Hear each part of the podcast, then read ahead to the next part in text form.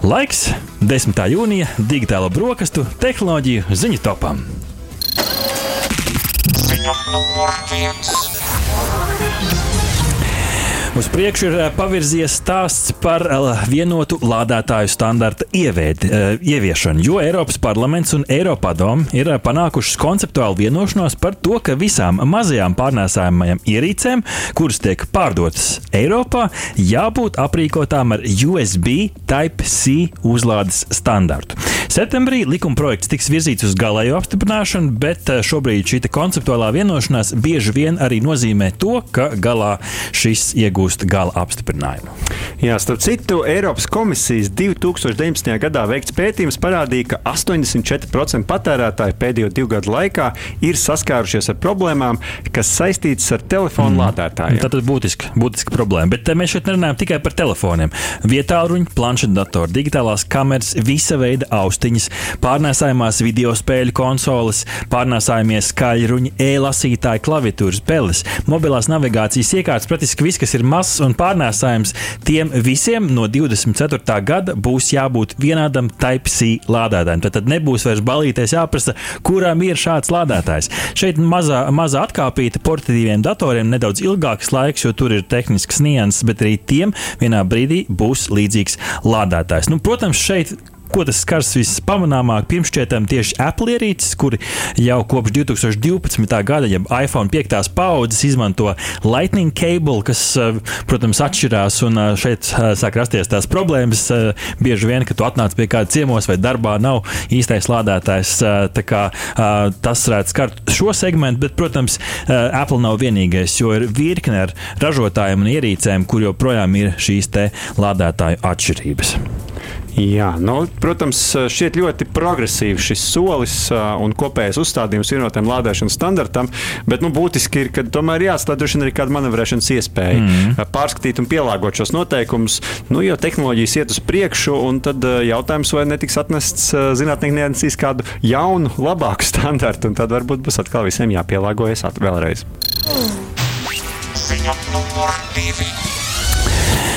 Otrā ziņa digitālajās brokastīs no mūsu valdības mājas, kur ministra kabinets atbalstīs Nacionālā kiberdrošības centra izveidi no 23. gada 1.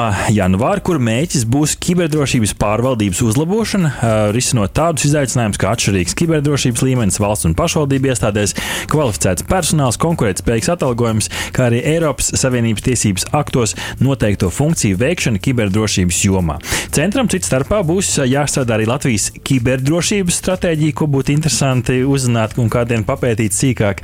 Jāizveido nacionālā kiberdrošības politika un jārisina arī kiberdrošības incidenti. Un šeit cilvēki teikt, kā, bet mums tā ir CERT LV. Šis viss tiks apvienots zem aizsardzības ministrijas, piesaistot vēl papildus personālu. Jā, nu katrā ziņā prieks dzirdēt par attīstību šajā jautājumā, jo, nu, lai arī CERT LV, protams, arī lielu darbu veids, mm. ir, ir labi, ka valsts par šo domā, jo, nu, es teiktu, ka pēdējais brīdis, jo šie kiberdrošības kiberdrošības riski ir ļoti aktuāli. Un, uh, ja jūs uztrauc kiberdrošības riski, tad šodienas raidījumā uh, otrajā daļā intervijā runāsim par individuāliem riskiem, uh, un eksperti mums palīdzēs ar dažādiem ieteikumiem. Ziņa numur 3.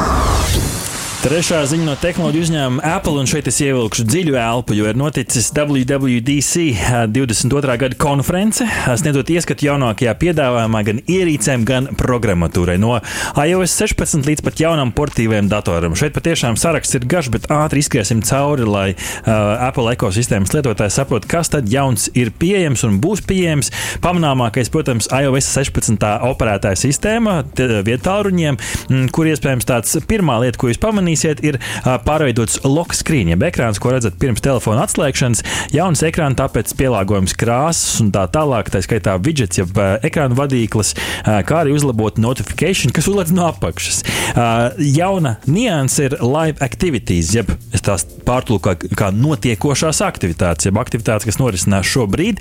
Tās varēs piesprāst tieši pie šī ekrāna, pirms jūs atslēdzat telefonu. Nu, piemēram, telefonu neatslēdzot, varēsiet redzēt, cik tālu ir izsauktais taks taksometrus, arī cik kilometrus esmu noskrējis, vai arī kāds rezultāts ir porziņa spēlē. Jā, bet Arti, vai tas ir droši, ka citi arī varbūt atturot man telefonu redzēs šīs es lietas? Es šeit redzu kaut kādu paradoksu, jo nu, pirms tam ir domāts lokskīns. Viens ir, lai nesaspaidītos kaut kādas pogas, otrs ir, lai cilvēki netiek klāt saturam, ko es negribu rādīt. Tā kā šeit pasakojot līdzi tiešām, ko jūs liekat uz šī ekrāna. Es šeit saskatu kaut kādu pretrunu.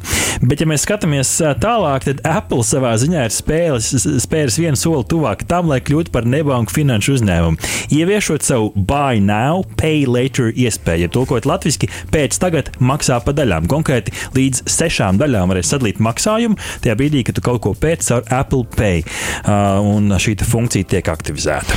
Jā, nu, tauta sociālajos tīklos šo jau dēvē par Apple parādu sistēmu. Gaida cilvēku rābolu. Protams, mums šodien nav laika iedzināties dziļāk šajā tēmā, bet nu, dalītie maksājumi, lai gan skan labi, bet nu, bieži varbūt arī tāds nu, pamudinājums kādam varbūt iegādāties ierīci, ko viņš patiesībā nemaz nevar. Tad beigās arī ir nepietika nauda. Jā, tā kā esam patiešām uzmanīgi ar, ar šo jauninājumu.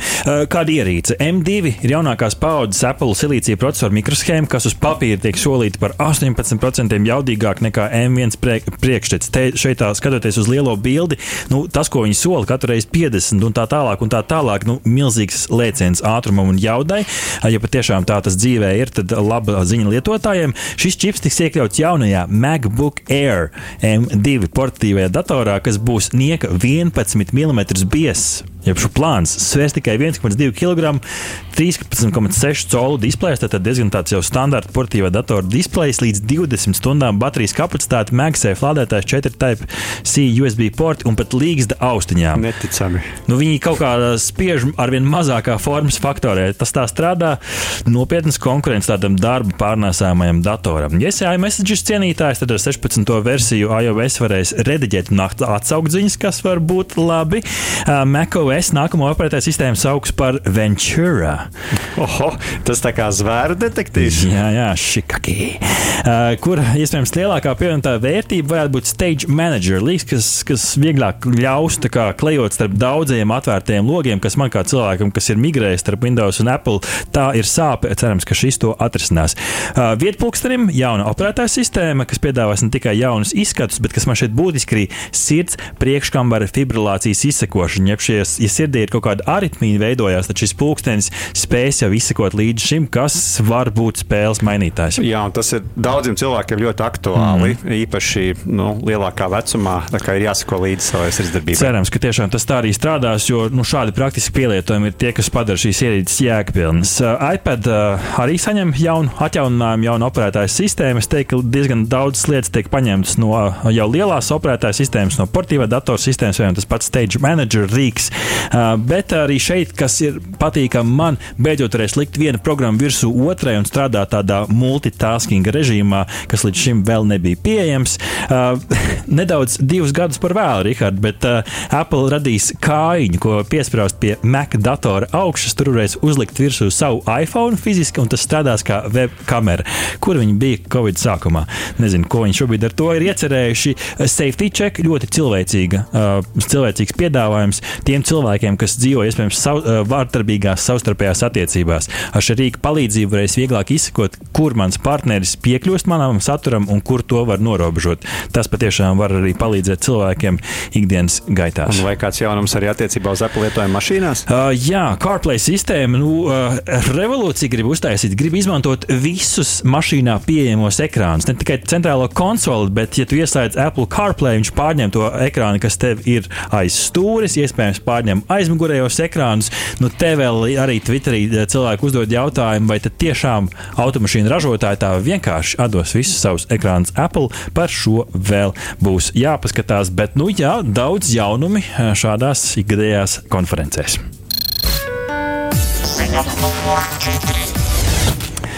Gluži vai neticās, nesen kādai sievietei ASV transplantēta 3D drukāta auss kas izgatavoti no viņas pašas ķermeņa šūnām. Transplantācija bija daļa no uzņēmuma 3D Biotherapeutics pirmā nu, te tehnoloģijas klīniskā izmēģinājuma, un veiksmīgais iznākums iezīmē patiesībā diezgan platu soli audu inženierijas attīstībā. Šī procedūra, kā stāsta portāls kursors, tika veikta sievietei, kura e, sirgst ar mikrotīvu, kas ir stāvoklis, kad viena vai abas ausis ir nepietiekami attīstītas, vai to nav vispār. Operācija patiešām bija ļoti sarežģīta. Sākumā vajadzēja ieņemt, e, paņemt šos augu paraudus, e, paraugus, tad no šiem paraugiem tika veidot un drukāta šī te, jeb audzēta šī auss, un beigās, protams, arī jāpiešķir bija atpakaļ. Nu, katrā ziņā, ja paskatās bildēs, ievērojams, ievērojams uzlabojums. Ziņa numur 5. Un visbeidzot, pēdējā ziņa digitālajās brokastīs veikta liela aptauja, kur 33% aptaujoto Eiropiešu vecumā no 15 līdz 24 gadiem, tātad jaunoši, jaunieši, apgalvo, ka ir piekļuvuši digitālajiem saturam no nelegāliem avotiem. Tātad, nu, patiesībā satura zakšana. No tiem, kuri to darīja apzināti, 21% izmantoja atskaņoja, lejupielādēja vai straumēja saturu no nelegāliem avotiem, un ir arī atsevišķi izgriezums tieši par Latviju. Un šeit interesanti.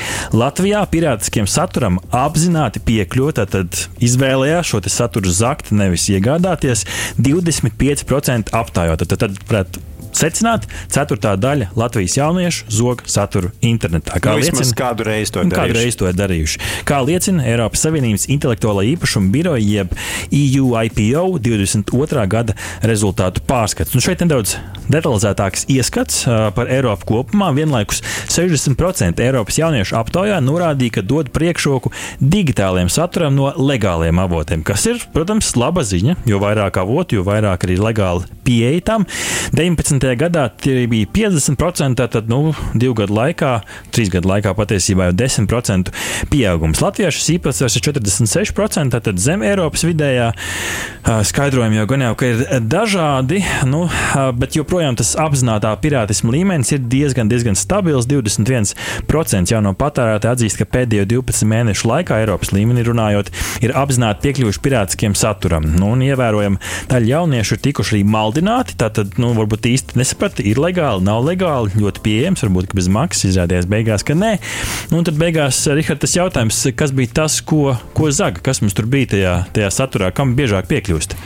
Jā, nu, galvenais pirātiskā satura veids bija filmas, 61% un TV seriāli 52%, kam sekoja mūzika ar 36%, kurai piekļuva izmantojot galvenokārt specializētas tīmekļa vietnes, lietotnes un sociālo mēdīju kanālus. Bet uh, kopumā, nu, skatoties uz šo tēmu, pirātiskā satura ieguve, es teiktu, ka ir liels progress. Un uh, liels progress man, manuprāt, primāri ir pateicoties tam, ka arvien vairāk ir šo satura platformu. Tepat uh, man šķiet, ka nākamā nedēļa patiesībā Latvijā ienāks vēl viena liela satura straumēšanas platforma. Tas nozīmē, ka vēl liels uh, saturs, piemēram, ar Marvel uh, supervaroņu saturu būs legāli pieejams kaut kur zvaigžņu kartē skaitā un tā tālāk. Uh, tā kā patiešām jauna platforma, jaunas iespējas, un man šķiet, ka tas arī vienā brīdī liek cilvēkiem saprast, varbūt labāk ņemt šo, jo nu, nav vairs tā vecā problēma. Atcerieties, savulaik šīs filmas skatoties, nu, pēkšņi te uzniest kāds melns stāvs priekšā filmai, jo kāds ir filmējis kinoteātrī spektrī, piemēram, ekrānu un tā tālāk.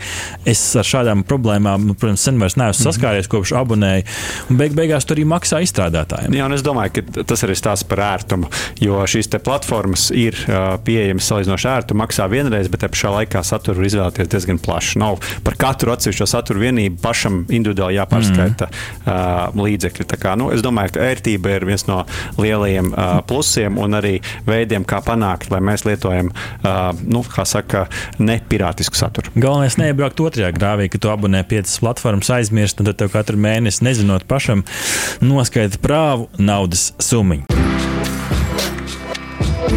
Aha! Paldies, ka noklausījāties mūsu līdz galam! Ja patika, uzspiediet laiku, atstājiet komentāru vai padalieties ar draugiem. Un nobaudiet arī citas epizodes, kā arī sekot mums, lai nepalaistu garām savu ikdienas tehnoloģiju ziņu devumu.